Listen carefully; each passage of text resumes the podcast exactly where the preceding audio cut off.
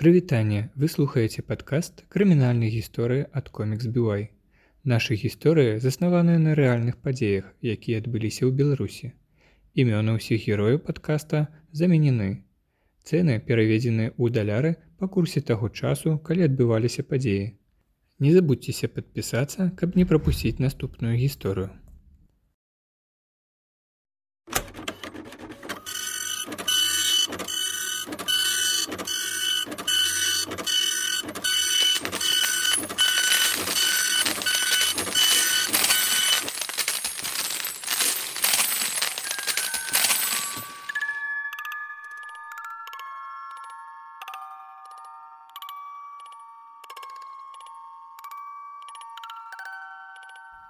Тамара Васильевна з дзяцінства была прадпрынімальнай. У школе яна была адказнай за ўсе святы. На ёй была купля падарункаў, прысмакаў і напояў. У інстытуце стараста групы заўсёды ведала, дзе можна выгадна паесці. Дзіўна, але яе стыпендыі хапала і на булачку і на торбачку.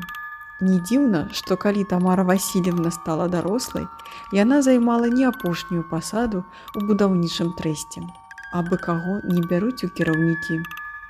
Таму, калі будаўніцтва шматкватэрнага дома было завершана, ні ў каго не ўзнікла сумненняў, што на пасаду старшыні праўлення таварыства ўласнікаў трэба прызначыць Тамару Васильевну.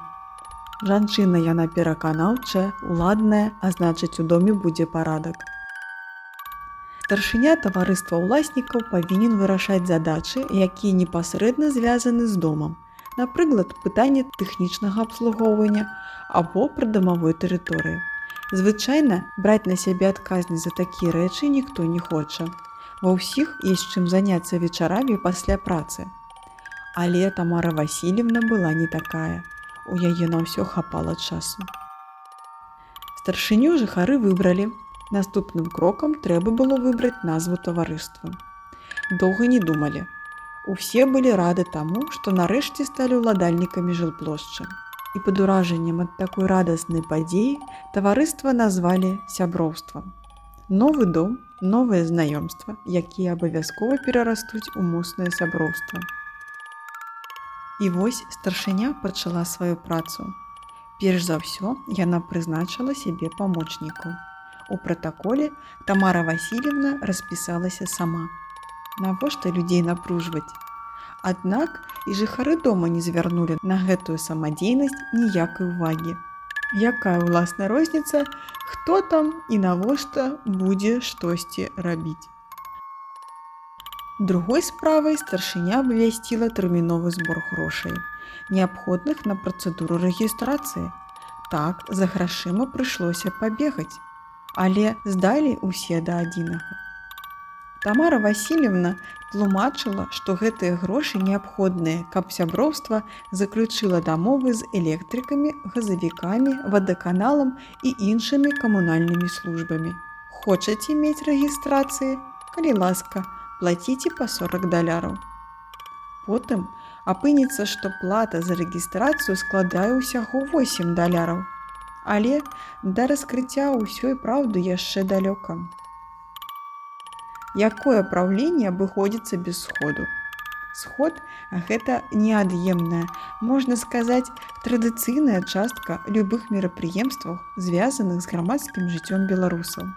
Будь то школа, дзіцячы садок, працоўны сход або сход уласнікаў кватэр. І вось на чарговым сходзе Тамара Васильевна нагадала, што ўсе абавязаны аплачваць камунальныя паслугі своечасова. Гэта закон, а не дзіцячыя казачкі і не падлягае ніякім абмеркаванням. Квітанцыя аб аплаце жыхары атрымаюць у паштовай скрыне. У іх будзе паказаны рахунак, на які і трэба пералічваць грошы.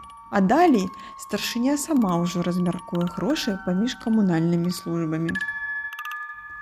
Аднак гэта былі непростыя квітанцыі. Нездарма Тамара Васильевна была натурай творчай.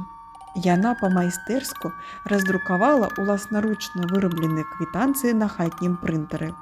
Такім чынам жыхары пералічвалі грошы на ўласны рахунак Тамары Васильевны. Далей жанчына здымала грошы, але па рахунках не плаціла, а здымала наяўныя і траціла на свае патрэбы. Усяго старшыня сяброўства зняла 3000 даляраў.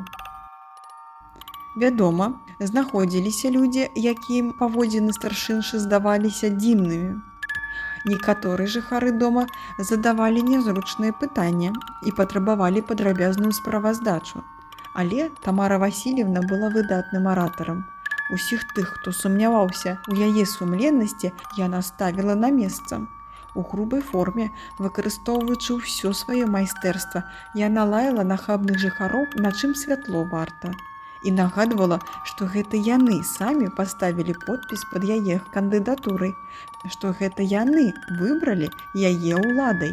Вось і няма чаго тут хадзіць і абурацца. А лепш своечасова аплачвайце квітанцыі і менш каціце каткі на сумленную годную жанчыну. Але газавікі, электрыкі і іншыя службы не ведалі пра існаванне Тамары Васильевны. Для іх існавалі толькі неаплачаныя рахункі і тое, што расце доўг.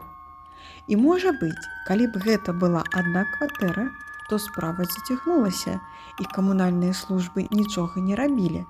Але так як не аплачваў увесь шматкватэрны дом, то камунальнікі запатрабавалі адказу жыхары правамерна звярнуліся да тамары Васильевны. Вядома, яны моментальна сабралі сход, каб даведацца, чаму грошы, якія яны спраўна плацілі, не дайшлі да адрасата. Тамара Васильевна доўга не думала. Яна заявіла, што сходы, якія склікаюць жыхары, незаконныя, таму мае поўнае права туды не з'яўляцца. Жыхары дома спрабавалі пагаварыць са старшынёй і па-за сходаў але кожны раз яна зрывалася на крык. Яна крычала, што жыхары павінны яе на руках насіць, а не задаваць дурныя пытанні.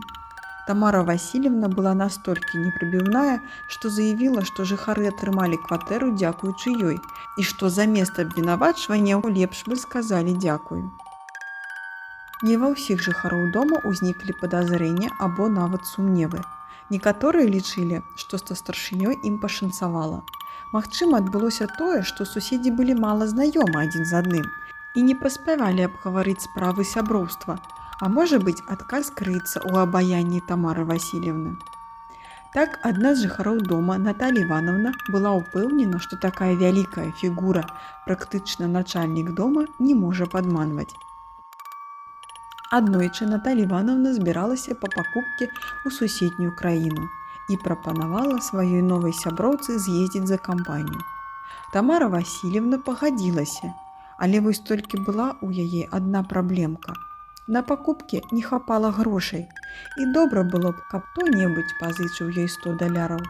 Наталья Івановна ахвотна пагадзілася. Вось толькі ні распіскі, ні нават вуснай дамоўленасці аб тэрмінах не было. Перадача грошай адбылася пры сведках што і выратавала Наталью Івановну ад фатальнай памылкі.